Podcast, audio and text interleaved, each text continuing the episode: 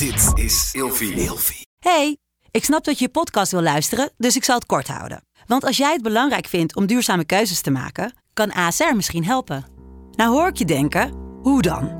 Nou, bijvoorbeeld bij het duurzaam herstellen van schade. Of de premies die we beleggen volgens ons duurzaam beleggingsbeleid. Dat bepaalt waar we wel en juist niet in investeren. Wil je meer weten over welke duurzame keuzes ASR maakt? Ga dan naar asr.nl slash duurzame keuzes. ASR doet het. Zo, dan kan je nu lekker naar je podcast luisteren. Wat leuk dat je luistert naar de podcast Seks, Relaties en Liefdes. De plek waar ik in gesprek ga met mijn gasten over alle onderwerpen waar eigenlijk veel te weinig over gesproken wordt. Dus luister, geniet en laat je vooral inspireren. Welkom bij een nieuwe aflevering van Seks, Relaties en Liefdes. En aan tafel bij mij een vrouw. We hebben elkaar al eerder gesproken. Guusje Wanet, welkom. Dankjewel. Welkom. Hey, jij bent relatietherapeut en sekscounselor en inmiddels ook psycholoog. Ja. Ja, jij zit ook niet stil in het stukje opleidingen doen, hè? Zeker niet. Of ben je nu wel een beetje klaar? Nee, ik ben mijn volgende alweer gestart. Ja? Ja. Met wat? Systeemtherapeut. Ah, ja. Altijd leuk. Ja, die is ook wel heel erg leuk. Nou, ik zeg wel, ja, die is heel erg leuk. Ik ben zelf ook systeemtherapeut. Ehm, ik vond het heel bijzonder dat er eh, eigenlijk nauwelijks ruimte is voor relatietherapie binnen systeemtherapie. Oh, is dat zo? Ja, dus jij bent net begonnen? Ik ben net begonnen en eh, ik heb dat dus nog niet eh, Ah. mogen ervaren. Maar ik dacht eigenlijk, ik vind het doen van hele gezinnen vind ik ook erg leuk. Ja. En ehm, dus vandaar eigenlijk mijn interesse. En ja, relaties doe ik al heel lang. Dus ik had zoiets van, ja, dat, dat heb ik dan ook wel, daar heb ik ook wel, wel het meeste ervaring mee. Ja, dus jij wil ook echt wel die verdieping zoeken in echt het stukje gezinsdynamieken. Ja. Leuk. Ja, ik merk dat eh, veel koppels die in mijn eh, praktijk komen, eigenlijk ook best wel soms niet alleen in de relatie, maar ook in het hele gezin eigenlijk vastlopen. En eh, ja, ik vind dat wel een mooie aanvulling. Want eh, vroeger heb ik in de kinderpsychiatrie altijd gewerkt. Ook heel veel met gezinnen, heel veel ouderbegeleiding. Ja, het heeft toch ook wel weer. Ja, ik dacht, nou, het is eigenlijk toch ook wel weer heel erg leuk om dat er een beetje bij te betrekken. En dan ben ik wel heel benieuwd hoe, ehm, hoe jij dat gaat ervaren. En in hoeverre je zelf. Want er zijn heel veel, tenminste, de, de, de opleiding die ik heb gedaan, er was heel veel rollenspellen. Heel veel. Ehm, en dan ben ik benieuwd hoeveel jij zelf moet in gaan brengen om datgene eruit te kunnen halen waar jij naar op zoek bent. Mm, ja, ik, ik, eh, ik, ik hoor je. En eh, ja, ik weet dat natuurlijk niet, zeg maar. Ik, eh, ik, vind het, ik vind hechting altijd heel erg leuk. Ik vind kleine kinderen, ouders die reageren op kleine kinderen. Ik vind dat soort dingen vind ik altijd heel erg leuk. Die, die, die ja, van, van 0 tot 12 jaar. Maar ja, pubers ook heel leuk. Adolescenten ook heel leuk. Nou, eigenlijk. Ik heb Alles. geen- alles eigenlijk heel Alles. leuk. Ja, nee. En ik heb vroeger gewerkt met heel erg moeilijke Ja. Eh, kinderen die, eh, die echt ehm, hele huizen afbraken. En dan, eh, ja, en dan stonden wij daar als team omheen. Ja, en ik heb dat altijd heel erg, heel erg interessant gevonden. En nu, toen waren we echt kindcentraal. En ik vind het ook wel heel erg leuk, omdat ik nu al zo lang relatietherapie doe, om de ouder dan centraal te hebben staan. En, maar ja, misschien vind ik helemaal niet in die opleiding wat ik zoek. Dat zou kunnen. Ja. Maar ja, dan stop ik er weer mee of eh, haak ik af. Of, nou, Of je voltooit hem en je hebt een vinkje achter je naam. waarschijnlijk wordt dat het, maar ja, we zullen wel zien. Ja. Meestal kan ik er wel echt mijn eigen draai aan geven. En, nee, dan hebben we over een. eh, hoe lang duurt die van jou? Anderhalf jaar? Nou, de, de opleidingen zelf du- duren eigenlijk niet zo heel erg lang. Zoiets, anderhalf jaar of zo. Ja. Maar volgens mij voor je volledige registratie. Je leertherapie, supervisie. Uren. Oh man, oh man, oh man. Ja, dat registratietraject daarna is heel intens met Ja. systeemtherapie. Ja, maar ehm, nou ja, dan kunnen we elkaar misschien over anderhalf jaar in eerste instantie weer eens eventjes hierover spreken. Wij gaan Hartstikke het leuk. vandaag hebben over ehm, ja, de wondere werking van ehm, ja, therapie wanneer er seksuele problemen zijn. En ik vind dat zelf een hele, hele interessante. Want ja, ehm, en daar gaan we straks dus de antwoorden eh, in ieder geval een beetje over filosoferen. Want is therapie nou eigenlijk echt een wondermiddel? Is therapie voor iedereen geschikt? Bij alle problemen geschikt? Ehm, Want in mijn beleving, als mensen dan al aankomen voor uh, therapie, echt specifiek met een seksuologische hulpvraag, ja, dan, dan hebben ze eigenlijk zelden een idee waar ze aan beginnen en wat ze kunnen verwachten. Ja. Wat zijn jouw ervaringen daarin? Ja, dat, dat herken ik heel erg. Mensen komen met een simpele vraag, eigenlijk, die in uh, vijf woordjes of zo uh, eigenlijk uh, gesteld wordt. En dan, ehm, ja, dan meestal begin ik met een kennismakingsgesprek voor het traject begint. En dat doe ik niet voor niks. Dan leg ik eigenlijk uit, ja, wat die vraag allemaal behelst.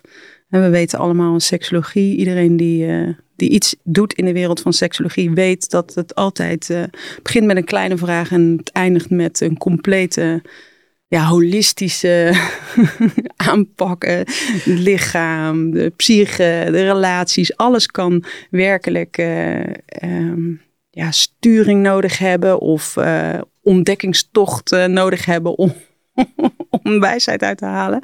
Ja, en ik merk gewoon dat, dat mensen geen, inderdaad geen idee hebben. Die, nee. uh, die stellen een vraag. Uh, dat kan alles zijn. En uh, dan denk ik, nou, de, we kunnen daar naar kijken. Maar dit is wat er dan gaat gebeuren. En een half jaar ben je daar wel mee kwijt. Minstens. Minstens. Ja. En als je pech hebt, gaat er dan nog ergens anders een balletje rollen. Ja, precies. Ja. ja. Maar dit is wel wat jij zegt. Dat is natuurlijk ook wel een luxe positie waar, waar zowel jij en ik in zitten. En dat is namelijk iemand komt binnen met een relatief eenvoudige seksuele hulpvraag, zoals ik wil meer zin in seks hebben, bijvoorbeeld. En wij hebben de mogelijkheid in de manier waarop wij werken, in de setting waar wij werken, om inderdaad te gaan kijken naar, oké, je komt binnen met een eenvoudige hulpvraag, maar wij gaan daar geen protocolletje op loslaten, waarbij je na acht keer, um, nou ja, tussen aanhalingstekens genezen bent. Um, wij gaan kijken wie jij bent, hoe jij in het leven staat, hoe jij je verhoudt tot, nou ja, eigenlijk tot alles in het leven. Ja. En dan willen we best gaan kijken of we wat met die hulpvraag van je kunnen. En dat is natuurlijk um, een, nou ja, nogmaals, een luxe positie waar wij in zitten. Want er zijn natuurlijk heel veel mensen, uh, seksuologische hulpverleners, die werken in een setting zoals bijvoorbeeld een ziekenhuis, zoals een GGZ-instelling. Ja. En daar zijn gewoon, daar is gewoon geprotocoleerde zorg. Dus dat betekent, er is een, voor de luisteraars die niet zo goed begrijpen wat dat is, er is een soort van handboek met allemaal protocollen. Iemand komt binnen met een erectieprobleem. Nou, dit is wat we gaan doen, acht sessies. Waarbij je eigenlijk al kan uittekenen welke sessie je wat gaat doen. Ja. En vervolgens na acht keer, dan wordt het afsluiten. Klopt. Of iemand komt in, uh, of met, met opwindingsproblemen. Uh, nee, hetzelfde als, vaak hetzelfde als erectieproblemen trouwens. Maar uh, bijvoorbeeld een, een vrouw die, die geen orgasmes kan krijgen. Ja. Um, ja, daar is een protocol voor. Ja. En dat is heel bijzonder, omdat hoe meer vrijheid je hebt om te werken met die seksualiteit op een manier die passend is bij de cliënt, bij de hulpvraag, hoe meer er ook achter komt dat die protocollen zelden ja, toereikend zijn. Toereikend zijn. Ja, klopt. Dus een soort van pleister plakken in sommige gevallen, waardoor het lijkt alsof de wond geheeld is. Klopt. Maar eigenlijk gaat er natuurlijk veel meer achter schuil. En daar gaan wij het vandaag over hebben. Dus ik wil nog niet te veel weggeven. Maar um, dat maakt wel dat we gaan hem iets anders insteken dan normaal. Normaal uh, beginnen we altijd met de vijf woorden voor seks, relaties en liefdes. Maar die hebben wij vorige keer al gedaan met jou. Dus die mag ik even laten. Ik ga nog wel even de vijf kutkeuzes zo met jou doornemen. Maar daarna heb ik gewoon, uh, ja, ik heb er inmiddels zeven, zeven stellingen aan de hand waarvan wij hopelijk gewoon een heel interessant gesprek gaan voeren. Waarbij ik ook hoop dat mensen vooral een realistischer beeld krijgen van wat therapie kan gaan doen bij seksuele problemen. Op basis van nou ja, onze ideeën, onze ervaringen. En um, ja, de dingen waarvan wij merken dat cliënten eigenlijk toch wel tegenaan gaan lopen op Ja. den duur. Of waar wij tegenaan lopen als therapeut zijnde. Ja. Omdat onze cliënt andere verwachtingen heeft. Ja. Maar dan gaan we dus eerst even die vijf kutkeuzes. Ehm, je moet kiezen. Oké. Verleiden met woorden of verleiden met bewegen? Oeh, lastig. Eh, nou, depends on the mood. Vandaag zou ik zeggen, doe maar woorden. Fantaseren of erotische verhalen lezen? Oeh, fantaseren, daar ben ik heel goed in. Ja? Ja. Maar heb jij nog veel fantasieën? Nou, ik ben zo iemand, ik heb een eindeloze stroom aan creativiteit in mij. Het is zelfs zo erg dat mijn partner zegt, kom op, doe nog eens een verhaaltje. Echt? Ja. En dan ga jij gewoon een verhaaltje vertellen vanuit jouw eigen fantasieën. Ja, hoe fouter, hoe beter. Echt? Oh, wauw. Oh, maar dat lijkt me heerlijk om dat te kunnen. Het is heel leuk. Ja, ik kan natuurlijk niet zo. Hè, ik moet me er wel veilig genoeg voor Ja. voelen in mezelf. En ik moet zin hebben in, in, in, in, in dit genre. Maar ik kan dat heel goed, ja. Oh man, dat lijkt me echt, dat lijkt me echt een cadeautje. Kunnen mensen dat trainen in jouw beleving? Oeh, dat weet ik niet. Ik, kijk, ik, ik vergelijk het altijd met visualiseren en mediteren. En ik heb gewoon een hele rijke innerlijke wereld. Dat, daar, daar ga ik ook heel goed op. Dus voor mij is het heel erotisch om juist heel diep in mezelf te gaan eigenlijk. Eh, dus als ik in diepe meditatie ben en ik ga dan fantaseren, nou dan, dan, dan is het een orgastische ervaring voor me. En dan gebeurt er helemaal niks aan de buitenkant. Dan lig ik in stilte eigenlijk. Terwijl die hele expressieve, je hebt ook mensen die dansen rond het vuur en die, eh, nou, die moeten alle visuals hebben. Dat, dat, ik ben de tegenovergestelde. Dus fantaseren is echt mijn ding. Oh, heerlijk. Heerlijk. Andere mensen helpen met hun seksualiteit of zelf bezig zijn met je eigen seksualiteit. Oh, jeetje.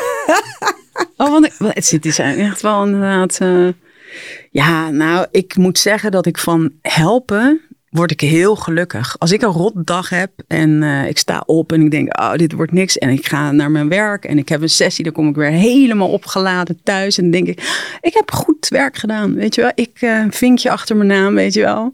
Dus ja, ik heb wel een diepe attachment met eh, doing good, zeg maar. Ja, ja. Zoenen of knuffelen? Oeh, zoenen. Een naakt lichaam of een lichaam met kleding aan? Nee, naakt. ja. Ja, Ben je ook een naaktloper?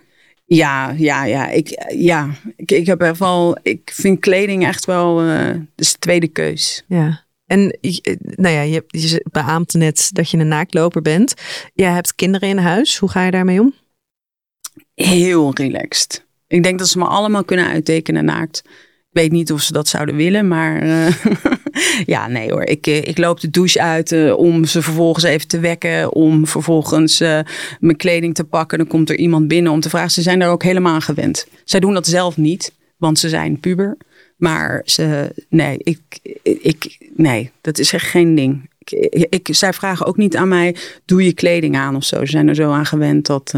Ja, en, en stel dat, dat, dat ze het wel minder prettig zouden vinden. Vind jij dan, en dat even vanuit jouw eigen perspectief, maar ook voor, voor anderen, zeg maar, voor andere ouders. Vind jij dat dan de verantwoordelijkheid bij jou als ouder ligt om aan te kaarten van hé, hey, als je er moeite mee hebt, geef het aan? mhm. Of heb je zoiets van, weet je, de kinderen zijn hier zo mee opgegroeid. ehm, pech als ze hier moeite mee hebben, want dat hebben we altijd gedaan. Of vind je dat de verantwoordelijkheid bij, bij de puber in dit geval ligt om zelf iets van een opmerking of iets te maken? Of merk je het misschien überhaupt vanzelf wel, denk je? Nou, goede vraag. Ik denk, ik heb, ik heb drie eh, kinderen van mij heb ik zelf gebaard en ik heb drie bonuskinderen. en ehm, eh, die drie bonuskinderen die zijn iets minder van de naaktloperij. Zijn dat natuurlijk wel gewend, ook van hun vader. Maar die eh, en, ik, ik eh, dan hoor je oh! of eh, weet je wel dat soort dingen. En ik hou daar prima rekening mee. Ik vind het goed als ze het aangeven. Ehm, mijn eigen kinderen, of mijn eigen kinderen zijn alle, alle zes van mij, maar ja, die hebben daar misschien ook omdat ik een biologische moeder ben, dat ze daar dan minder moeite mee hebben. Want reageren jouw niet-biologische kinderen dan ook zo op jou of alleen op hun vader? Nou, ze zijn überhaupt wat. Dus als we zoenen of zo, ja, hou op. Of eh, allemaal uh, weirde geluiden. En, eh, maar ja, dus ik denk dat dat gewoon wat gevoeliger ligt of zo. Bij, eh, ja. Ja, ik, ik zou er rekening mee houden, maar het, het, is, is echt geen ding in ons gezin. Dus het is ook wel een, een vraag die ik me bijna niet kan voorstellen. Wij moeten er altijd om lachen eigenlijk. Hou jij er rekening mee op een andere manier naar je niet-biologische kinderen dan naar je biologische kinderen? Ja, ik ben wel iets beschaafder, denk ik. Je gaat niet naakt rennend door het huis heen als zij er zijn. Ons klimaat uh, behoeft ook kleding, dus uh, dat, uh, dat, dat scheelt. Maar als we in de tropen zouden wonen, dan zou ik wel alsmaar in zo'n kleedje, weet je wel, rondwandelen, denk ik. Ja, maar ik, hou, ja, ik denk dat, dat, dat, dat ik me wel iets meer gedragen als, als de hele familie samen is. Mooi. Hey, um, ja, ik heb gewoon een hele reeks uh, aan stellingen. Dus ik ben, uh, ik ben oprecht heel benieuwd tot wat wij gaan komen. Kom maar door. Ja. Vrijwel alle mensen denken te lang dat ze zelf de seksuele problemen kunnen oplossen voordat ze in therapie komen. Ja, ja, ja, ja, ja, ja. Echt, uh, ik denk acht van de tien koppels of cliënten die bij mij aankloppen, dacht ik, oh, waarom niet vijf jaar eerder? Ja. Oh, had dat gedaan? Had het jezelf cadeau gedaan? Om vijf jaar eerder. Ja, want je hebt natuurlijk de, de oorzaak en de instandhouder. En de instandhouder is soms zo ontzettend groot geworden. Er is zoveel relatiepijn ontstaan, zoveel, zoveel extra leed eigenlijk. Door uiteindelijk, ja, soort van bij de, de oorzaak te denken, ah, dat, dat los ik wel op. Of ik, ik lees nog een boek. Of ik, uh, ik ga nog even in mijn eigen cirkeltje bedenken wat ik hier aan moet doen. Nee, ja, ongelooflijk. Als, als mensen. Ik zou het mensen gunnen dat als zij tegen iets aanlopen en denken: hé, hey, ik voel me hier niet bij zoals ik me zou willen voelen. En ik krijg dit toch. Ik, ik, dit cirkeltje heb ik nu één keer, twee keer, drie keer. Hé, hey, mijn partner zegt ook wat van. Is ook al opgemerkt, weet ook niet goed hoe dit op te lossen. Wacht even, hulp. Ja, ja dat zou ik wel. Uh, zou, ik denk dat als we daar zouden kunnen komen als maatschappij, dat er heel veel leed. Uh, bespaard zal blijven. Ja, dat, dat denk ik echt. Geldt natuurlijk over veel meer nou ja, in ieder geval mentaal leed. Dat eerder aan de bel trekken, dat dat heel erg fijn zou zijn. Ja. Maar het is ook wel heel bizar hoeveel mensen denken: um, het zal zichzelf wel oplossen. Ja. Nu, uh, nu is er even geen ruimte voor. Uh, nu is het shit. Maar ja, we hebben kleine kinderen. Ja. Uh, we hebben net een, de, de, nou ja, wat dan ook meegemaakt. Het komt wel weer. Alleen vervolgens ben je weer een half jaar verder. Ja. En voor je het weet ben je weer een half jaar verder. En dan inderdaad het aantal mensen dat verwacht dat door precies hetzelfde te doen, het probleem ineens gewoon weg zou zijn. Dat ze Ja. ineens weer naast elkaar op de bank zitten en snappen hoe het werkt. Klopt. En dat komt omdat er alsmaar een andere reden denkt. Hè? Mensen denken, oh ja, maar nu hebben we kleine kinderen. Oh ja, maar nu zijn de kinderen altijd wakker. Of ja, maar nu. Dus de, de ja, mensen denken, oh, dit is de reden. Maar eigenlijk hebben mensen de vaardigheden niet om, Om er iets mee te doen. Om er iets mee te doen. Om er iets anders mee te doen. Maar er komt weer altijd weer een nieuwe reden. We weten hoe het leven werkt. Oh ja, maar nu is er eigenlijk wat stress. Oh ja, maar nu eh, zijn de kinderen dan wel, wel uit de luiers. Maar ja, ik, ik heb het nu zo druk op mijn werk. Maar eigenlijk ligt het aan die vaardigheden. Om, daar, om niet met die stress om te gaan. Of niet met die redenen. Om daar omheen te kunnen werken. Ja. En dat En- niet van invloed te laten zijn op je seksleven. Of op je intimiteit. En wat ik denk, want je hebt het inderdaad over niet de vaardigheden om op een adequatere manier om te gaan met dingen die er spelen. Maar ook letterlijk niet de vaardigheden hebben om weer in dat seksuele contact te komen. Letterlijk, die vaardigheden die ontbreken dus. En dus, kijk, elk mens gaat stress hebben. Hè? Eh, Interne stress, externe stress. Je gaat, iedereen maakt het mee dat iemand overlijdt, iemand ziek wordt, iemand- werkstress, de, onvermijdelijk. En je zult dus als mens, zeg maar, als jij graag wilt dat jouw seksleven levend blijft, hè, dan zul je als mens moeten kunnen leren van oké, weet je, het, ik, het is nu acht uur 's avonds. Ik, eh, ik wil eigenlijk heel graag eh, vrijen met mijn partner. eh, maar ik, ik ervaar wel stress van de dag. Of ik ervaar wel verdriet. Of ik ervaar wel rouw. Of hey, hoe ga ik dit nou eigenlijk aanpakken? Hoe, hoe moet ik nou van het een naar het andere bewegen? Nou, daar heb je ongelooflijk veel vaardigheden voor nodig. Je moet kunnen ontspannen. Je moet uit je hoofd kunnen gaan. Je moet contact kunnen maken met je lichaam. Je moet ook ruimte voor jezelf kunnen zeggen van hey, vroeger wilde ik misschien op de keukentafel tafel genomen worden. Maar nu wil ik heel graag zachtjes geaaid worden. Dus dat moet je in je relatie kunnen aangeven. Dus er, er schuilen zoveel vaardigheden eigenlijk. En dan in ook dat nog, het- moment. ook nog vanuit dat proces wat je zelf allemaal moet kunnen, ook nog de verbinding naar de ander kunnen maken. Absoluut. Om diegene ook te laten aanhaken en mee te laten komen. Absoluut. Dus een, een, een, een relatietaal met elkaar ontwikkelen. eh, de, de ander kunnen uitnodigen. Niet verwachten dat de ander jou van, hè, van 0 tot 10 brengt. Maar dat jij jezelf op die 6 kan, kan dwarrelen. Door eh, lekker te ontspannen. Door al open te staan voor de ander. Contact te initiëren. Ja, dat je dus eigenlijk al het voorwerk zelf al doet. Ja, als je dat niet kan, hè, dan, dan krijgt de partner eigenlijk een zware, de zware last om alle sterren voor jou goed te zetten. En dat, dat doet iemand met liefde een paar jaar. Maar op een gegeven moment ja, wordt, komt daar uitputting. Ja. En eh, dus, dus, ja, dus inderdaad van de simpele vraag waar we mee begonnen. ehm, hoe zit het met mijn seksdrive? Kan ik dat eh, verhogen? Ja, dan ga je dus kijken naar al dit soort dingen. Ja, en het gaat ook. hè, En mensen die willen dus graag het antwoord hebben. eh, ja, dat kan. Hè? Ja. Maar ehm, vervolgens het, wat dat allemaal dus inhoudt, dat dat vaak te ingewikkeld is, te hoog gegrepen. Dat, je, dat ze er er dus achter komen van, oh, ehm, het, de vraag is dus niet zo simpel. En alle dingen die ik ervoor moet doen, die zijn best wel uitdagend op verschillende niveaus. Klopt. En als je het dan hebt over dat eigenlijk alle stellen wachten te lang met ehm, echt adequate hulp zoeken. En dan heb ik het niet over eens een keer een boek lezen, eens een keer eh, een gesprek over eh erover voeren met een vriendin of, of, of met je partner, maar gewoon echt adequate hulp zoeken. Mhm.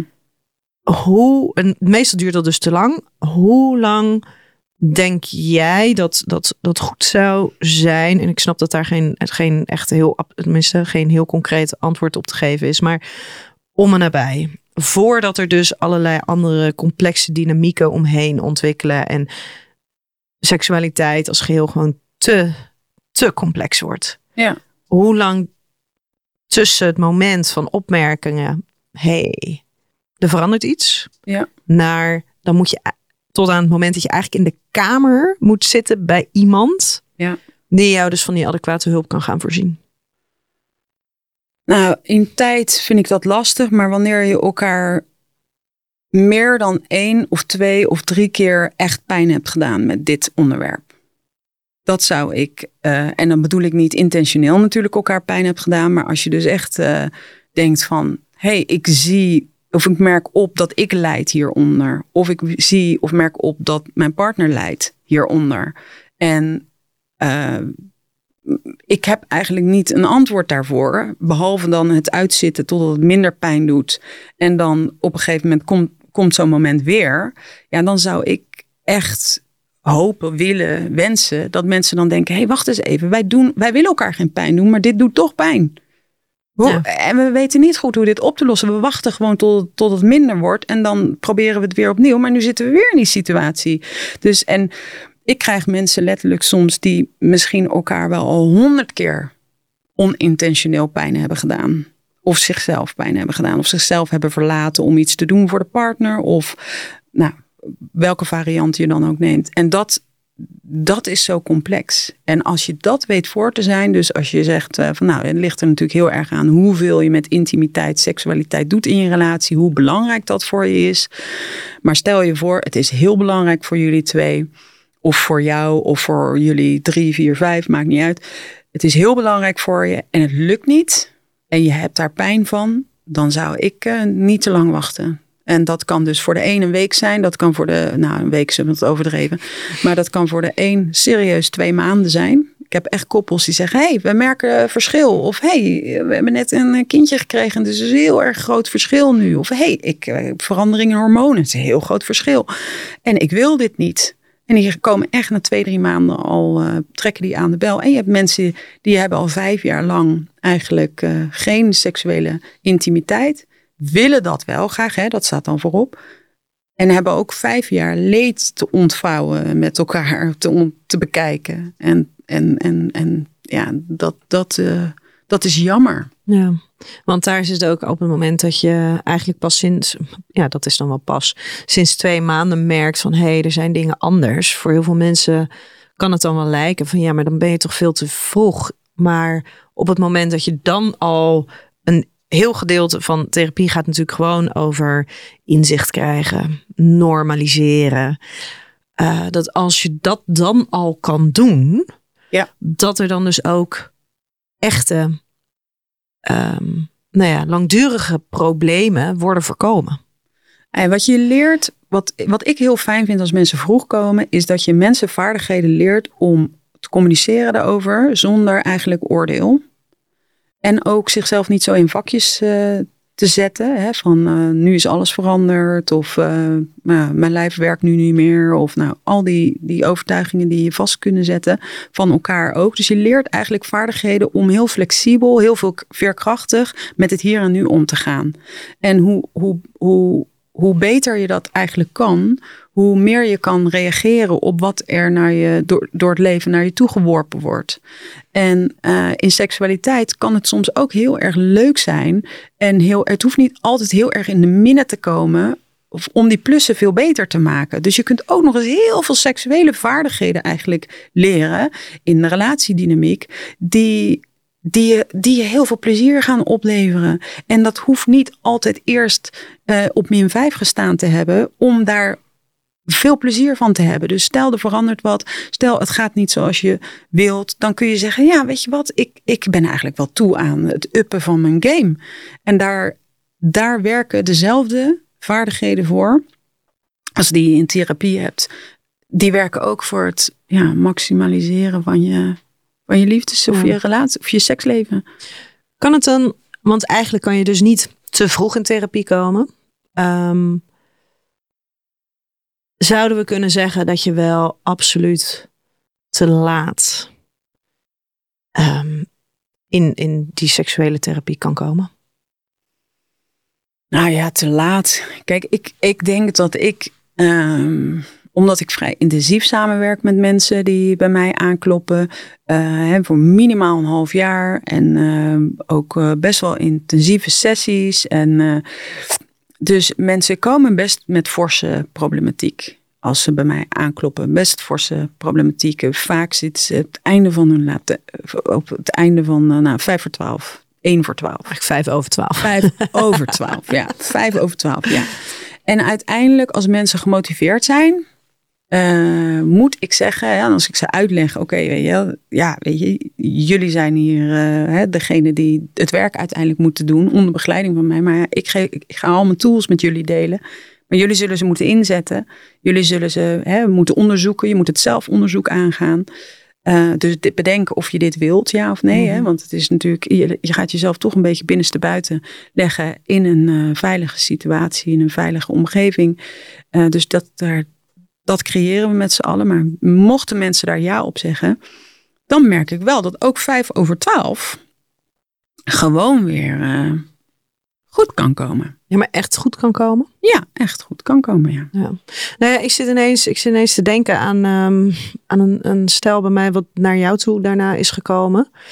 Uh, omdat ik dacht, ze moeten wat intensiever. Ze moeten iets intensievers. We hadden al allerlei verschillende lagen en, en samenstellingen geprobeerd. En eigenlijk was hij was helemaal afgehaakt. En um, daarin zag je ook dat binnenkomen met een relatief eenvoudige hulpvraag.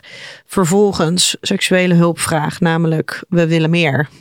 Um, vervolgens blijkt dat eigenlijk er te veel in de randzaken van, nou ja, niet de randzaken, want het waren hele erge grote dingen in hun leven die speelden, die alle prioriteit kregen, maar vervolgens dus niet helemaal zelf daar het begrip voor hebben.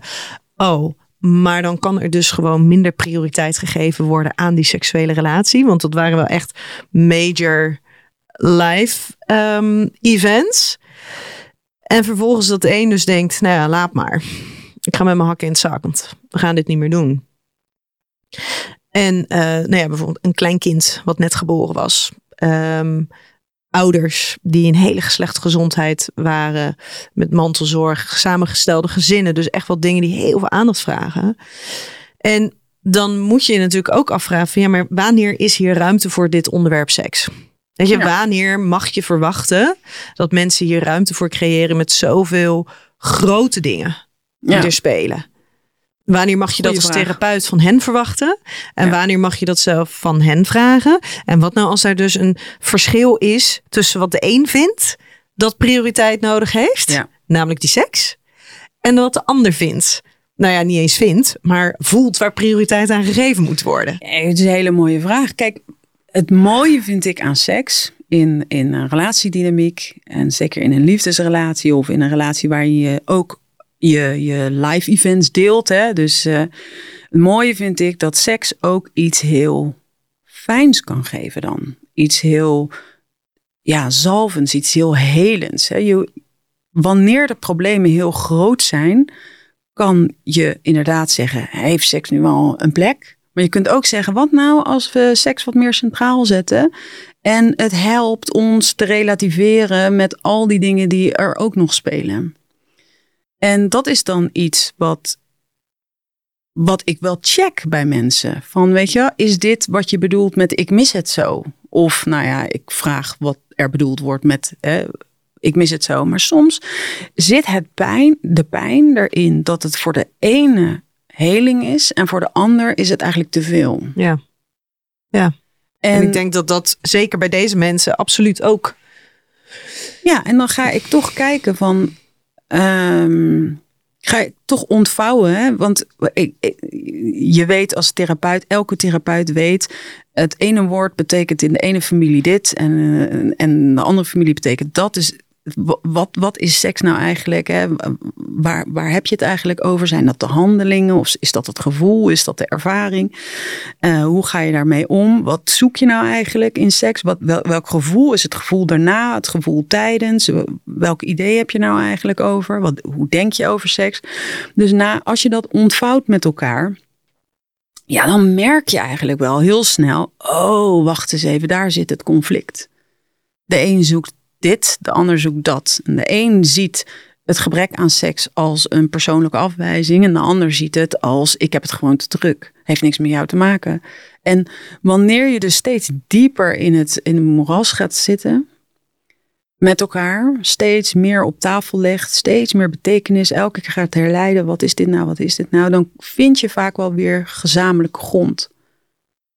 En er hoeft niet eens, je hoeft niet eens naar een gelijke betekenis te komen, maar soms vindt de een, als de een rekening houdt met de ander, van dit is, betekent voor jou, dat ben ik wel willend om jou dat te geven. En dit betekent voor jou en ik ben wel willend om dat jou te geven. Dan zie je weer dat er ruimte komt om aandacht te brengen naar intimiteit. En voor de een is dat hardcore porno, voor de ander is dat een, een knuffelseks met ik hou van jou en ik vind je zo mooi. En wanneer je daarin dat echt tot, tot ja, heel erg gaat ontleden.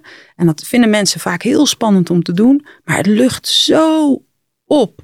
Maar wat je hierin eigenlijk ook zegt is in dat ontleden ga je dus heel erg naar de eh, individuele boodschap die men heeft of de ideeën, overtuigingen, betekenis die men heeft over seksualiteit. Wat betekent Ja. seksualiteit per individu? En in de complexiteit van een relatie verwarren we heel vaak individuele seksualiteit met een afwijzing. Ja. Ehm, we hebben het idee dat het niet goed genoeg is, dat we niet voldoende gezien worden, dat de ander ons niet graag genoeg wil, of dat de ander gewoon niet, niet graag genoeg eh, seks wil. Klopt, we nemen het persoonlijk. Ja, alles. We nemen alles persoonlijk in een relatie. En dat is heel grappig, want wanneer je daar dus eh, heel ontwapenend in bent, van hè, maar, waar, wat heeft dit met jou te maken eigenlijk? Ja, helemaal niks. Eh, eh, dit, dat ik nu geen ja, seks wil, en- heeft en niks dit- te maken met jou. Precies. Ik wil gewoon geen seks nu. En dit hele kwetsbare verhaal wat je nu zet,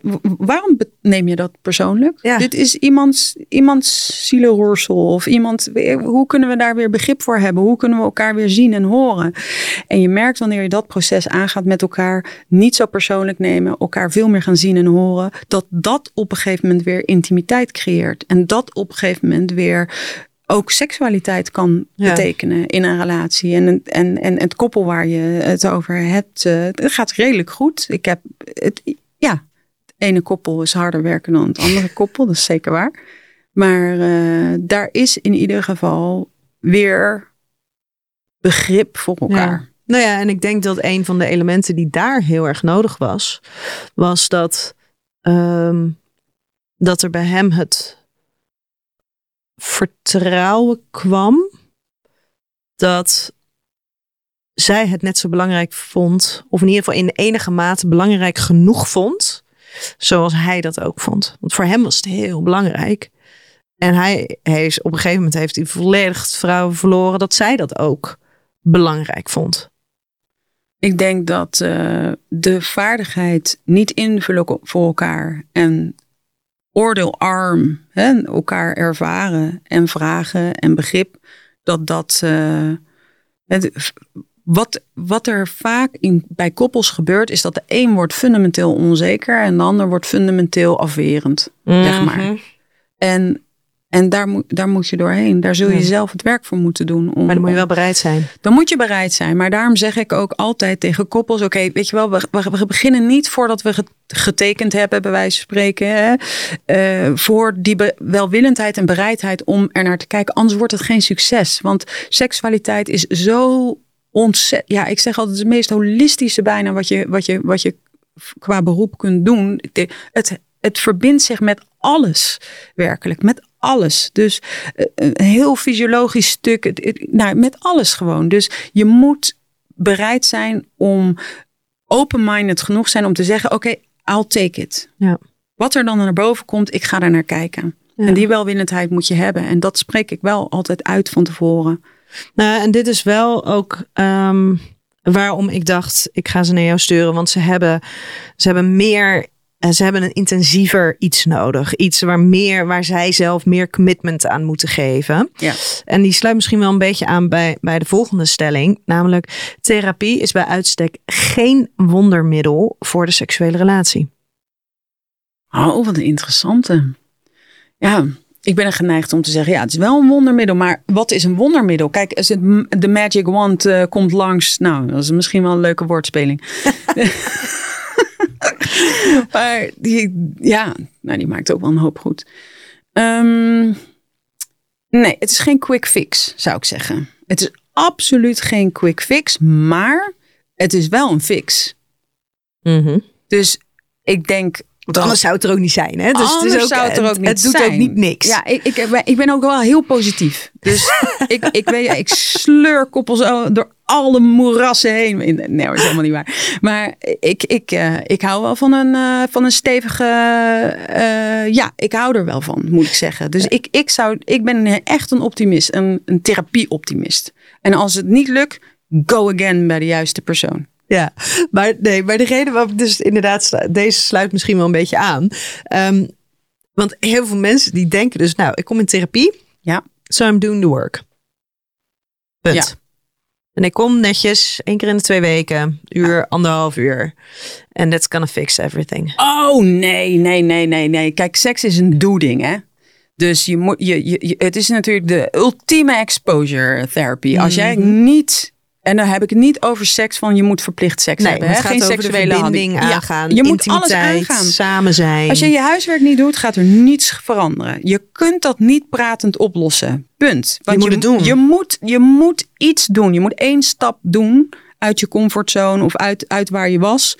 Eén stapje doen. En dat kan alles zijn. Hè. Ik, ik geef heel veel opdrachten eh, met eh, bijvoorbeeld hè, dat er geen seksuele eh, handelingen, die, die bepalen we dan. Wat zijn seksuele handelingen? Die, die zijn niet. En nu gaan we genieten en ontspannen en eh, eh, van hoofd naar lichaam bewegen. En dat gaan we doen via massage. We zetten wekkers. Jij moet dan geven, jij moet ontvangen. Nou, allemaal dat soort oefeningen doen we dan. Leren geven en ontvangen. Leren, geven, ontvangen. En wat doet dat? En dan moeten ze zichzelf ook nog observeren. Hè? Wat doet dit in mijn lijf? Wat doet dit in mijn emotie? Wat, welke gedachten komen op? Moeten ze daarna netjes naar de sessie brengen? Ja, als je dan een stel hebt of een, of een individu hebt die zegt... Ja, we hebben niet gedaan. Ik kom nu weer praten, want ik ga nog een keer mijn probleem uitleggen. Ja, go back to the drawing board. Dan kunnen we beter uh, een andere afspraak maken. Dus ja, een quick fix is er gewoon niet. Je, je moet door alles heen. En dat is ook de kracht van seksuele therapie, of sekstherapie, of weet ik hoe we het mhm. noemen. Is dat je. Waarom kan dat effectief zijn? Omdat je het allemaal moet aangaan. Ja. en dat, ja. Maar daarin is natuurlijk wel, er zijn, er zijn echt oprecht zoveel mensen die dus inderdaad dan, uh, nou ja, dat hun, hun, ze komen opdagen. Mm Um, en daarin zijn ze bereid om, om te praten, om naar zichzelf te kijken. Maar eigenlijk stopt dat proces dus op het moment dat ze de deur weer uitlopen. En ik denk dat daarin zit een heel groot verschil tussen naar therapie gaan ja. en in therapie zijn. Ja, ja, mooi omschreven. Ja, ik ben het met je eens. Ja, ik denk dat het voor elke therapie geldt. Als je niet uh, implementeert in je eigen zijn, je leven, je, je handelingen, je gedrag, alles wat je kunt bedenken, ja, dan, dan, uh, dan praat je over. Ja, en dat is ook maar een analyse hè, die je van jezelf hebt gemaakt. Dat is ook maar een, een versie van een verhaal die je laat zien op dat moment. Ja. Ik vind het ook wel eens bijzonder dat je dan bijvoorbeeld uh, iemand, nou ja, een stel, vier, vijf keer hebt gezien. En dan zegt ze, ja, we willen toch eventjes uh, het hebben over wat we nou eigenlijk gaan doen. en dan, dat vind ik altijd zo fascinerend. En, um, en dat als je dan dus benoemt van, hey, hè, van, nou, dit zijn de dingen die jullie tot nu toe hebben gedaan. Dit is hoe jullie anders met situaties om zijn gegaan. Volgens mij hebben jullie verteld over dat jullie dit nu op een andere manier aanpakken. Of dat jullie op deze manier je bewuster zijn van intimiteit, dat soort dingen. Ik zeg dus ja, zeg het maar. Wat, wat, wat zijn we aan het doen? En dat ze dan pas op het moment dat ze zo dus inderdaad voor worden gehouden, bedenken, oh ja, we, we zijn dus al wat aan het doen. Maar dat ik dus ook denk, ja, maar hoe bewust ben je dan geweest van al de dingen die je hebt gedaan? Mhm. En wat zijn dan je verwachtingen met betrekking tot wat therapie is en wat het voor jullie op een presenteerblaadje gaat brengen? Ja. Ja, dan verandert het doel van, uh, van je therapie wel aardig natuurlijk. Want dan uh, denk je, ah, bewustwording is dus wel uh, het opmerken. Hè? Heel veel mensen die merken, moeten de vaardigheid van opmerken ook nog leren. Ja, het stilstaan. Ja, het stilstaan en opmerken dat, dat hè, ik vind het ook wel heel mooi met opwindings problematiek, uh, uitdagingen. Hè? Dat, dat zou nou echt zo'n vraag kunnen zijn dat iemand zegt, nou ja, maar wanneer gaat dat dan gebeuren? Of hè, wat gaan we hier dan doen? Wat gaat het mij dan brengen? Hè? Want ja, ik, ik voel nog steeds helemaal geen opwinding. Ik heb die oefeningen nu gedaan, maar ik, weet, weet, nog steeds niet. Hè? Dat ik kan me helemaal voorstellen dat dat zo'n zo sessie vijf, ja, wanneer gaat dit dan werken? En dan ja, vind ik altijd wel mooi. Dan denk ik, oh, je merkt dus niks op. Ja. Je merkt dus niet de fysieke sensaties in je lijf op. Je merkt niet, je kan daar niet bij zijn. Ja, en dan verandert natuurlijk ook wel een, een koers. Dat je denkt, ah, we gaan, even wat meer mindfulness. Uh, nou ja, mindfulness dekt de lading misschien niet. Maar mindfulness skills in een sensuele en seksuele setting. En moeten ze dan oefenen. En dan gaan we weer terug naar de start. Ja. Want dat is wel, ja, een, een, een mooi teken aan de wand. Als mensen dus gemist hebben wat ze allemaal al aan het doen zijn. Ja. Dan hebben ze niet opgemerkt dat dit een verandering kan brengen. En als je het niet opmerkt, dan ervaar je het vaak ook niet. Nee, of dat ze dus um, zich niet bewust zijn van ja, ja, nee, dat, eh, ja, nee, dat is wel allemaal anders. Maar wat heeft dat te maken met Precies. onze hulpvraag? Ja. Uh, ja. Nou, alles. Nou, alles inderdaad. En waarom heb je dat niet gelinkt? Ja. En waar, waarom link je dat niet? En als je dat niet linkt, dan kan je dat dus ook niet zelf gaan ervaren. Dan is het een opdracht die je voor mij doet. Ja. Maar je ervaart niet dat dit onderdeel is van jouw leven. Je ervaart niet dat je hier zelf de regie over hebt. Nee. Ik heb de regie niet, jij hebt die regie. En daarin vind ik dus een van de mooie, want hij kan natuurlijk, sommige mensen merken helemaal niet zo heel erg op wat er nou allemaal gebeurt. Andere mensen die zijn zich daar bewuster van. En dat vind ik dus dan weer um, nou ja, het andere juist heel mooi. Dat mensen dus zeggen van ja, op een gegeven moment van jeetje, ja, maar ik kom er dus achter dat ik dus ineens anders over seksualiteit praat. Ja. Dat ze zegt, ja, maar ik merk dus dat als ik het er nu bijvoorbeeld met een vriendin over heb, dat ik veel makkelijker bij mijn woorden kan komen, veel beter kan uitdrukken wat ik, nou ja, waar, waar ik eigenlijk tegenaan loop en dat soort dingen. En dat is dus weer inderdaad het andere stukje, van dat ze dus gaan, zich gaan realiseren van, oh ja, het is zoveel meer. Het is zoveel meer het, het, het erover kunnen praten.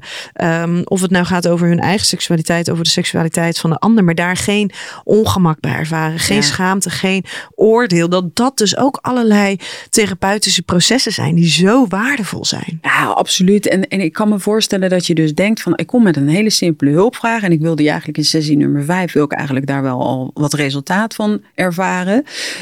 En precies wat jij zegt, mensen ervaren dus niet dat ze op twintig verschillende Momenten. ja, of twintig verschillende vaardigheden of twintig verschillende facetten van hun leven eigenlijk groei aan het doormaken zijn. Ja. Dus het, de communicatie, het, het, het toelaten van, eh, van andere mensen in, in jouw proces. eh, Ja, het delen, eh, het- meer ja. kwetsbaar durven zijn. meer überhaupt zelfinzicht hebben. Al die dingen die. die en ja, je, je opwinding was nog niet meer geworden, maar er is zoveel aan het gebeuren. Ja. En het kan soms al, al heel fijn zijn om dat allemaal te benoemen. En dan worden mensen ook wel wat trotser. Van, oh ja, jeetje, dit zijn we allemaal aan het aankijken. En Ja. ja, ja en je hebt natuurlijk ook mensen die, gaan, die moeten eerst de pijn door. Ja, en dat is ook uh, op sessie nummer vijf zit je dan wel een beetje op de piek van, eh, van de ellende. En dan is alles shit. Ja. En dit is niet wat ze dachten dat ze zouden gaan doen. Nee, en dat is ook soms wel eens confronterend voor mensen. Van wow, wat, heb, wat zitten wij vol met pijn. Ja. En, hoe, hoe, en dat het overzicht er dus ook nog niet is. Nee. Van hoe gaat dit beter worden? Hoe gaat dit anders worden? Ja. Ja. En dat dus dan ook eventjes verliezen van, oh, dit is, eh, ja, zeker in relatie eh, met koppels, dat er zoveel pijn eigenlijk toch eh, opgebouwde pijn naar boven komt. En dat eigenlijk de simpele vraag van hoe komen wij weer bij ons seks met elkaar eindigt in eh, eerst een heel traject waarin eh, pijn wordt Ja. bekeken. Ja. Nee, die slaat misschien dan aan bij, ehm, bij de volgende. Namelijk, sekstherapie kan niet bestaan zonder relatietherapie. In mijn praktijk is dat zo. Ehm, ik heb eh, ook individuen die, die bij mij komen, natuurlijk, uiteraard. En die zeggen van, nou, ik zou wat meer willen werken met mijn eigen seksualiteit. En eh, dan eh, blijkt, als we dat gaan bekijken, als we daar het onderzoek in aangaan, blijkt eigenlijk, hey, seks bestaat voor mij bij de regie van de andere persoon. Dus het is eigenlijk afhankelijk van de ander. Ja, Ja. dus de, de, de, de ander die bepaalt wat voor een seksleven ik of wij hebben samen. Dat kan letterlijk een one-night stand zijn tot aan jarenlange relatie. Maar ik reageer, mijn seksleven is volledig reactief op, het, op het plan of op Het initiatief, initiatief, alles van de alles ander. van de ander. Nee, is ook relatietherapie. Ja. Of eh, In ieder mensen- geval systemisch werken. Dus, ja, precies. En, en sommige mensen die, die, die eh, zeggen van nou, ik, ik heb zelf heel bloeiend seksleven met mezelf. En dan komt er een ander. En Ja. ik, ik weet niet wat ik moet doen. Ik kan geen ruimte maken. Ik heb geen orgasmes bij anderen. Ik, ik kan niet genieten van anderen. Ik, ik, wat moet niet ik doen? ontvangen. Niet Ehm, ontvangen, niet eh, ja, geven, maar dat is eigenlijk niet het ontvangen is geven. Hè? Dat je dus zelf ook geniet van het dus geven. geven om de ander maar te plezieren. En Precies. te hopen dat daar een soort van vinkje komt van... hé, hey, je hebt het goed gedaan. Ja. Exact. En, en, en, en ja, dat is systemisch werken. Hè. Dan gaan we, gaan we, eh, heel vaak ligt dat in de vroege jeugd ook. Heel vaak ligt dat in hoe je hebt geleerd om met anderen om Ja. te gaan. Waar Hoeveel je ruimte staat, je hoeveel mag ruimte je mag kwetsbaarheid, intimiteit aan kunnen gaan. Ja. ja. Dus eigenlijk ehm, elke vorm van seksualiteit heeft natuurlijk betrekking tot een relatie. Ja. Ook al is het een relatie met jezelf, met je eigen lijf, Ja. met je eigen gedachten, fantasieën, eh, ervaringen, Ja. eh, ervaringen die er in het verleden zijn geweest. Of inderdaad gewoon binnen de, eh, binnen de relatie tussen jou en je partner. Ja. Dus er is altijd vorm, sprake van een vorm van Ik een. zou dat wel zeggen. Ja, Ja. ik kijk er in ieder geval altijd naar. Ja. En ik ga er ook altijd naartoe. Ja. eigenlijk met de, met de mensen. En dan er komt altijd 100 uit 100 komt er iets naar boven wat, wat, wat zo zonde is om niet mee te nemen. Omdat het anders een instandhouder wordt. Ja, alleen daar komt natuurlijk dan wel weer op het moment dat zeker als iemand individueel komt, nou ja, eigenlijk ook als mensen uh, samenkomen, maar met een seksuele hulpvraag, dan moeten ze dus wel bereid zijn om zich open te stellen voor, oh, maar we stappen nu af van de seks en we gaan het dus hebben over onze relatie. Ja. En dan gaat het ineens over de machtsverhoudingen die er in onze relatie zijn. Of de zorgrollen die er worden aangenomen. Of weet je, dat soort facetten. En dat is natuurlijk ook alweer een, een vorm van kwetsbaarheid. Waar heel veel mensen natuurlijk helemaal niet aan toe zijn. Nou, wat, wat, wat, wat ik wel eens meemaak, is dat de partner, of één een, individu komt en dat ik zeg, wij, wij kunnen eigenlijk dit werk alleen maar goed doen als jouw partner hier ook bij is. Want ik, ik, ik voel, hè, dit gaat niet effectief zijn of niet effectief genoeg zijn, niet krachtig genoeg zijn als jouw partner hierbij. Nou, oké, partner uitgenodigd nou. En dan heb je opeens een situatie waarin de partner eigenlijk niet aan de bel heeft getrokken. Die, die, die kan op de bank zitten. Ja, maar hey, we weten alle twee wie hier de oorzaak van dit probleem. Dat, dat is mijn part. Ik ben dat niet. Ik zit hier eigenlijk om support te geven of ja, zo. Omdat je het gevraagd of, hebt. Of omdat je het gevraagd hebt. Ja, en soms is dat echt ja, dan leg ik uit hoe dat, hoe, hoe, hoe, hoe, dat in werkelijkheid zit. Hè? Dat je dus samen die relatiedynamiek hebt en samen die seksuele dynamiek. En dat de oorzaak ooit misschien wel uh, bij de een heeft gelegen. Maar dat in ieder geval er instandhouders moeten zijn in die relatiedynamiek. Nou oké, dan wordt daar naar gekeken. Ja, en soms dan draait het zich volledig om. Dan, uh, en dat voel je ergens als, als, als je wat meer ervaring hebt, voel je dat vaak al aan. Dat je denkt, oh, ik denk dat dit verhaal niet helemaal klopt. Ik denk dat er een groot deel bij de partner ligt. Ja, en dat is soms wel echt een beetje van de koude kermis thuiskomen voor, uh, voor, voor, iemand die denkt, die ja, ik kwam hier uh, om te supporten en opeens zit ik hier hardcore uh, met mijn billen bloot. Wil ik dat wel? Ja, nou, dat, dat moet je dan ook openlijk bespreken natuurlijk. hè, van ja, uh, hoe is dit voor je en wil je dit? En uh, ja, we, we, zullen onze nieuwe, nieuwe doelstelling moeten formuleren. Want ja, dit is, we kijken naar een ander, uh, andere prioriteitenlijst, zeg ja, maar. Zo had ik inderdaad, heb ik ook iemand gehad. En de partner kwam dus eigenlijk een beetje niets vermoedend mee. Gewoon om eens een keer kennis te maken met de partner. En um, dat daar dus inderdaad dingen gebeurden in de communicatie dat, dat ik dacht, ik voelde aan alles. Ik denk, er, er, er, er, spelen hier dingen. Nou, en uiteindelijk, uh, hij was wel welwillend om mee te gaan. Maar nu is hij degene die dus inderdaad, waar dus de diagnostische onderzoeken worden gedaan. Uh, omdat daar dus inderdaad sprake lijkt te zijn, nou ja, van een heel uh, psychiatrisch beeld. Oh, ja. Wat dus er inderdaad voor heeft gezorgd dat er op een bepaalde manier dynamieken zijn ontstaan in de relatie. Ja. Um, Waardoor zij dus eigenlijk helemaal niet meer in haar seksualiteit kon staan, floreren. Want dat kreeg bijna geen ruimte meer binnen die relatie. Ja.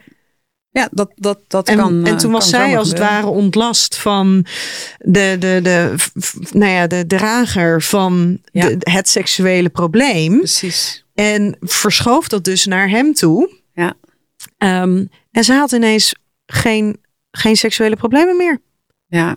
Omdat zij ineens voelde, oh, ik, ik snap het nu. Ik begrijp het nu. En ik mag weer voelen. En ik begrijp nu wat Ja. er dus al die tijd in onze relatiedynamiek is gebeurd. Waardoor er telkens meer ruimte was voor mijn gewoon vrouw zijn. En me volledig kunnen overgeven. En, en dat is zo bijzonder. Dat en is heel bijzonder. om te Stel je nou voor hè, dat, die, dat, dat dat koppel na een half jaar, na tien jaar of na twintig jaar in therapie waren geweest. Dat je twintig jaar denkt, ik heb een probleem, ik ben de oorzaak van dit probleem. En ik draag dat allemaal Ja. op de schoudertjes mee. Ja, en, ja, en bij hun was het, vond, dat vond ik dus wel heel mooi. Zij is dus echt, nadat het dus, nadat zij een paar maanden, want seksualiteit was altijd iets wat heel erg van haar was en waar ze zich heel erg prettig bij voelde.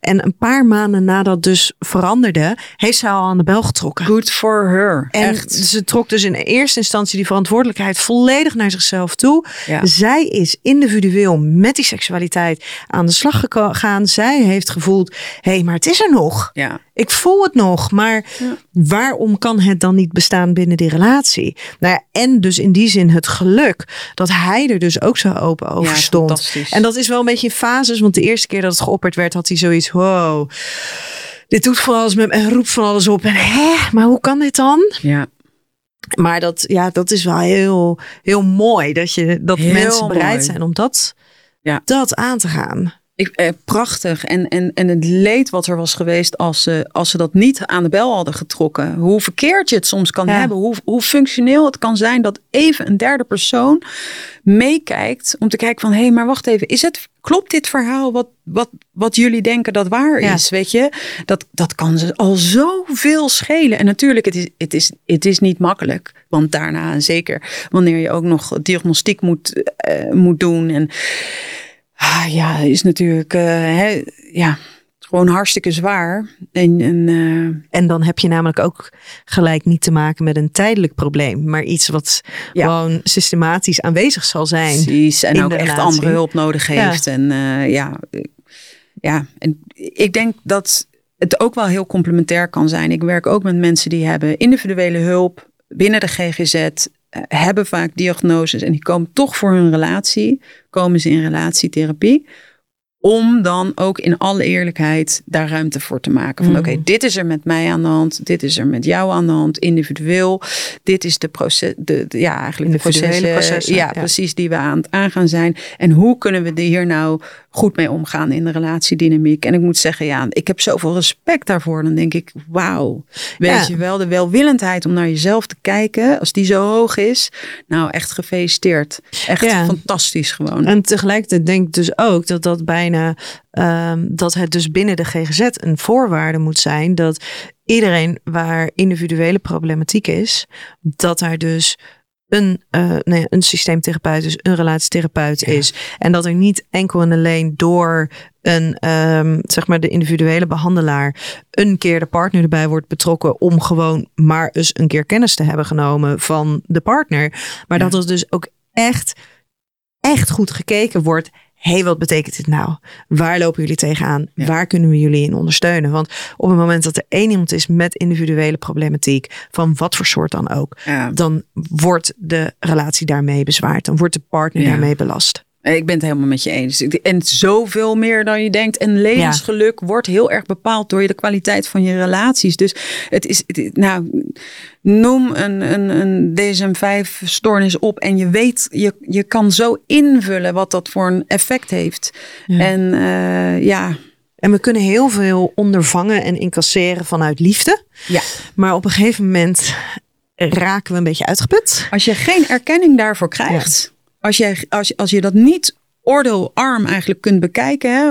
Oordeelloos gaat niet lukken, maar dat je, dat je kunt zeggen: hey, dit stukje hoort niet. Hè? Dit impulsieve gedrag of dit, deze, deze, deze hang naar anderen. Of deze, nou, noem al de, de dingen die, als je dat niet op tafel kan leggen, daar naar kan kijken, weet waar daar de oorsprong is, of rigide gedrag, of maakt niet uit wat je hebt, wat toch in ons, wat heel vaak voorkomt.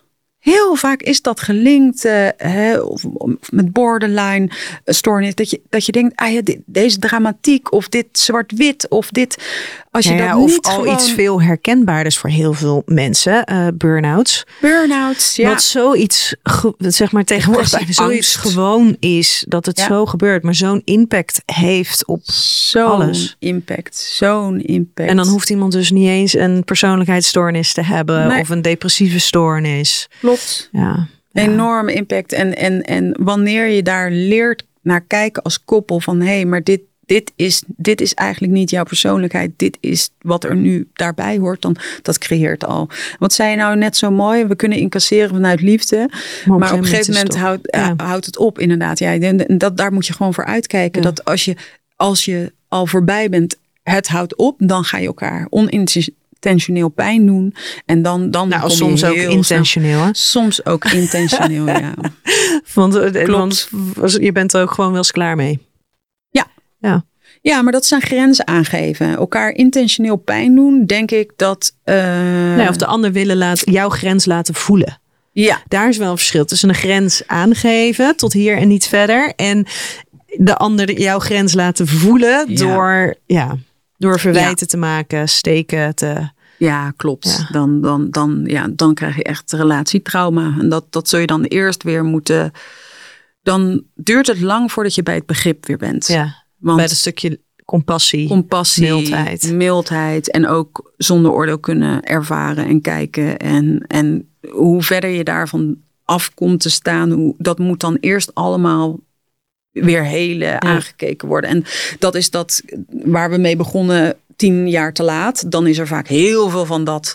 Uh, Ja. En seks wordt natuurlijk dan ook in, onbewust, soms bewust als middel gebruikt om elkaar te straffen of te belonen. Gebrek of uh, ja, dat, dat zijn natuurlijk spelletjes die voelt iedereen, ook al kan je de vinger er niet op leggen, ook al is het niet te bewijzen, het voelt iedereen intuïtief in de relatie toch aan. En dat, dat, dat brengt echt schade. Ja, ja. Um, we hebben hem eigenlijk al een beetje voorbij horen komen een aantal keren, maar de volgende stelling. De meeste mensen komen met een irrealistische seksuologische hulpvraag in therapie. Nee. Of een irrealistische of een hulpvraag die niet per se is waarvan ze denken dat het is. Oh, dat altijd. Ja. Dat altijd. Dus als, als je dat bedoelt, ik denk. Ik, nou, dit zijn wel twee verschillende. Ja, denk ik. dus ja, als je zegt nee. van de sky Ja. is the limit, dan denk ik nee, weet je wel. De, de, de- of tenminste, dan denk ik ja, je kan, mag met alles komen wat je wil. En, en, soms zijn, is dat ook wel eh, van we willen heel, heel goed of heel. eh, maar dat ligt dan ook in de lijn vaak van het karakter. Dus als het niet uit balans is, zeg maar. Van, hè, dus eh, bijvoorbeeld, we willen een excellent seksleven met heel veel passie, heel veel zin, heel vaak, heel. als je dat wil en je, en je zit zelf, zeg maar, ja. ehm, ik, ik heb eigenlijk eh, heb ik nooit passie of eigenlijk vind ik, vind ik niks leuk of eigenlijk heb ik moeite met eh, überhaupt genieten. Ja, dan kun je Ja. zeggen, hé, hey, wacht even, dit ligt wel heel erg ver uit elkaar. Wat, wat, gebeurt hier? Waar is dit ge- gecreëerd? Dat is nog een hele interessante vraag. Maar dan is denk ik, het stellen van de vraag geeft een, een weer wat het probleem een beetje is. Dus daar kan je dan op ingaan. Dus dan is die irreëel inderdaad. Dan stap je af van de hulpvraag en dan ga je onderzoeken waar die hulpvraag vandaan komt. Uh, maar ik vind wel dat mensen zichzelf best wel mogen uitdagen. Ik denk dat, uh, dat, dat, dat we soms denken, ja, het is zoals het is, maar daar geloof ik niks van. Ik bedoel, je bent vast wie je bent, maar je kunt zoveel zelf, uh, zelf ook nog bereiken. Dus ik, sommige mensen die kloppen me aan, die zeggen, we zijn heel gelukkig. We komen hier en we hebben eigenlijk geen therapie nodig, maar we willen toch in therapie. Ja, die extra verdieping, dat Ja. extra... En we willen, willen we, zet ons maar op een journey. En dan zeg ik, ja, maar ik, ik, ik, ik, ben eerder therapeutisch dan coachend. En ik, ik hou niet zo van het werken uit modellen. Of ik, eh, wat, wat zoeken jullie dan? En dan komen we toch eigenlijk tot een mooie doelstelling, mooie vraag. En dan uh, blijkt er natuurlijk toch wel wat meer achter te zitten. Dus dat uh, kijken we dan alsnog aan. Maar die gaan wel voor een uitbundigheid waarvan ik denk, nou, Cool, echt cool gewoon. Ja. Ga ervoor. Dus wat dat, wat dat betreft weet ik niet helemaal wat je bedoelt met deze stelling. Maar denk ik, ja, soms is het probleem. Uh, de realiteit klopt helemaal niet. Hè, die, er is zelfinzicht nodig. Dat is dus dan de reflectie van, het, uh, van de hulpvraag. En soms denk ik, ja, ga ervoor. Ga voor, voor het hoogste haalbaar in jouw uh, universum. Hop. Maar dan is het dus wel, ga voor het hoogst haalbaar binnen jouw universum. En daar zit denk ik dan um, met dat, dat idee inderdaad, die, de stelling. Want er zijn heel veel mensen die inderdaad aankomen en die zeggen, ja, maar we willen echt weer een, we, uh, we willen een passie, we willen dat de passie er is of terugkomt. Ja. Of we willen inderdaad, uh, we willen hele lekkere, fijne seks hebben. Ja. Terwijl ja, inderdaad, passie kunnen voelen, ervaren, aangaan. Echt enthousiast van iets worden.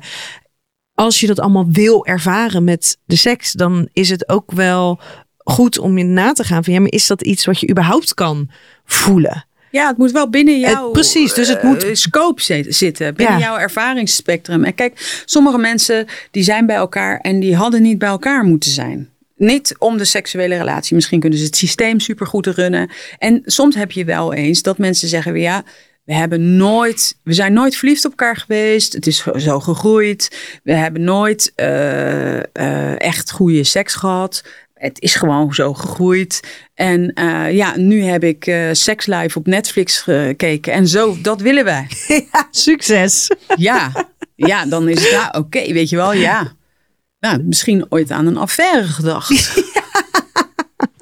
Want waarschijnlijk gaan jullie dat samen ja, weet je ervaren. Zo. Je moet wel ook kijken van wat, wat is de seksuele dynamiek tussen, tussen jullie twee. Hè? Nou, en dan, dan zit je inderdaad buiten je eigen universum te kijken. Dan denk je van ja, dat universum daar van die buren, dat vind ik ook wel mooi. Kan ik, daar, kan ik dat niet implementeren in mijn systeem? Maar ja, dat, dat, dat werkt niet. Dat, nou, zo. niet zo als je denkt van ja, ja. Gaan we even doen. Dat gaan we even doen. Of, en, en wat, wat heel populair is op Instagram is de masculine en feminine. En de, de, de, de, de, die tantrische dynamiek van wow. En, en dan, dan, ja, dan daar komen ook soms hele reële vragen van, oh, wacht even wat? Het is toch een beetje van, uh, ik ben uh, loodgieter en ik wil heel graag uh, instantaan, wil ik... Beroepskunstenaar zijn. Ja, ja, bij wijze van ja. ja. Dat is toch even van, wat? Weet je wel, wie zijn jullie eigenlijk? Wat, wat vinden jullie fijn? Ja, wat, wat, past bij jullie? Wat past bij jullie? En, dan, en daar komen we dan wel, hè? Want ook zo'n vraag buiten het universum zegt wat, hè? Dat zegt toch van hé, hey, misschien ben je ontevreden of misschien. Dus uiteindelijk is zo'n coachings- of zo'n therapietraject ook heel fijn, maar ze komen niet uit bij wat ze dachten dat ze wilden. Nee. Ze komen uit bij zichzelf. Ja. Dat ja. moet altijd het doel zijn. En dus ook um, waarmee ze vaak dan het inzicht krijgen: oh ja, dit is inderdaad um, het beeld waarvan ik als heb gehad. Dat zo moet het ja. zijn. En waarom eigenlijk ja. heb je dat beeld? Zo heb ik ook echt op een gegeven moment een prachtige therapie gehad. Echt, maar dat duurde echt, nou ja, ik denk twee jaar of zo. Om uiteindelijk bij het punt te komen. Ze kwamen, we willen heel graag meer, meer seks. Alleen daar kwamen dus eigenlijk elke keer als ik hun zag. En dan zag ik hun ongeveer om de twee weken kwamen ze met. Nou, het was echt, we hebben het zo fijn gehad samen. En zo liefdevol. We hebben leuk dit gedaan. En we hebben leuk dat gedaan. Ja, ja. En dan hoorde je een beetje een soort van uh, terughoudendheid, bijna een beetje een ongemak om het te zeggen. Ja, ja, maar we hebben geen seks gehad. Waarbij ik dus op een gegeven moment aan hen vroeg van ja, maar waarom willen jullie eigenlijk seks hebben? Waarom komen jullie hier eigenlijk met de hulpvraag we willen, we willen seks? Een goede vraag. Als alles wat ik de hele tijd hoor van jullie is het is zo fijn. Ja. En de intimiteit is zo fijn. En we kunnen zo heerlijk knuffelen. En we kunnen zo heerlijk samen zijn. Ja. En al die dingen hoor ik de hele tijd van jullie. Waarom willen jullie dan seks? Ja. En Nou, wat is seks eigenlijk? Misschien ja. is dit jullie seks. En daarin kwam dus zoveel, zoveel ruimte voor hun. Dat ze het gevoel hadden van, oh ja, maar dat, dat hoeft dus niet. En als het eens een keer één keer in de maand, één keer in de twee maanden gebeurt. Dan is dat prima, maar het, het moet dus niet. Dus daarin is dus inderdaad, ja, wat, wat is je hulpvraag? En is dat echt een oprechte hulpvraag van, ja, maar dit is dus wat past bij ons en dit is waar we graag naartoe willen op een prettige manier? Of is het een hulpvraag gebaseerd op hoe je denkt dat het eruit moet zien? Ah, absoluut. Ja, Ja. Ik, ik kan er niet. eh, ja, ik ben het met je eens. Ja, oké. Ehm, wij gaan naar de laatste stelling alweer. Een succesvolle therapie leidt juist soms ook tot een relatiebreuk. Ja, zeker. Dat kan gebeuren. Ik heb meerdere, ja, tuurlijk, dat maak je mee in je praktijk. Soms, soms zeggen mensen, nou, dit, dit, is, dit is de laatste kans. En dan, eh, dan kiest iemand er toch voor van, hé, hey, wat, nu we dit eh, ja, op tafel hebben ge- gelegd, nu we al die facetten hebben bekeken, besluit ik om, eh, om, om dit niet eh, te willen. Ik wil dit niet meer aangaan, ik heb het niet meer. En eh, sommige mensen bedanken me ook. Die zeggen van, nou, dit is zo fijn uit elkaar gegaan. We zijn zo fijn uit elkaar gegaan op deze manier. Ja, want dan kan je de therapie ook gebruiken om uit elkaar te gaan. En soms zeker in eh, relaties die, eh, die heel veel pijn hebben gekend. eh, maar waarbij er een van de twee heel erg veel eh, incasseringsvermogen heeft. Maar ook zichzelf heeft opgelegd om heel veel te incasseren. En dus maar door blijft gaan. Die komt er dan in therapie achter van, nou weet je wat, daar zit ook iets van mij bij. Ik laat dit dus toe. Ja, je faciliteert. Ik faciliteer, weet je. Ik, ik wil dit niet meer. En dat kan een ontzettend krachtig eh, besluit zijn om te zeggen, "Nee, ik, ik kies ervoor, ik loop weg. Ik wil dit niet meer. Ik ga ook niet meer in therapie. Ik ga lekker met mezelf zijn. Nou, dat mag. Ja, ik had toevallig kreeg ik eh, vanochtend kreeg ik nog een mailtje van een, eh, een cliënte. En die hebben dus door de gesprekken, we hebben maar vier gesprekken gehad. ehm, zijn ze tot inzicht gekomen van, oh ja, maar vanuit, eh, en bij haar speelde autisme. En daar Ja. was ze eigenlijk nog maar kort bekend mee. Dat het simpelweg hun verlangens, hun, de dingen die ze nodig hadden, die waren gewoon onverenigbaar. Ja. Ja. Ja. En dat ze op basis daarvan hebben besloten, dus we gaan dit niet doen. Dat is een cadeau. Ja, ja. Hey, wij moeten hem, wij moeten hem gaan afronden. Ik vond het onwijs fijn om weer eh, dit gesprek met jou aan te kunnen gaan. We kunnen uren praten, en volgens mij. wellicht moeten we dat ook nog maar gewoon eh, een volgende keer weer doen. Dankjewel, Guusje, dat je er eh, weer wilde zijn. Dankjewel. En lieve luisteraar, tot volgende keer bij een nieuwe aflevering van Seks, Relaties en Liefdes.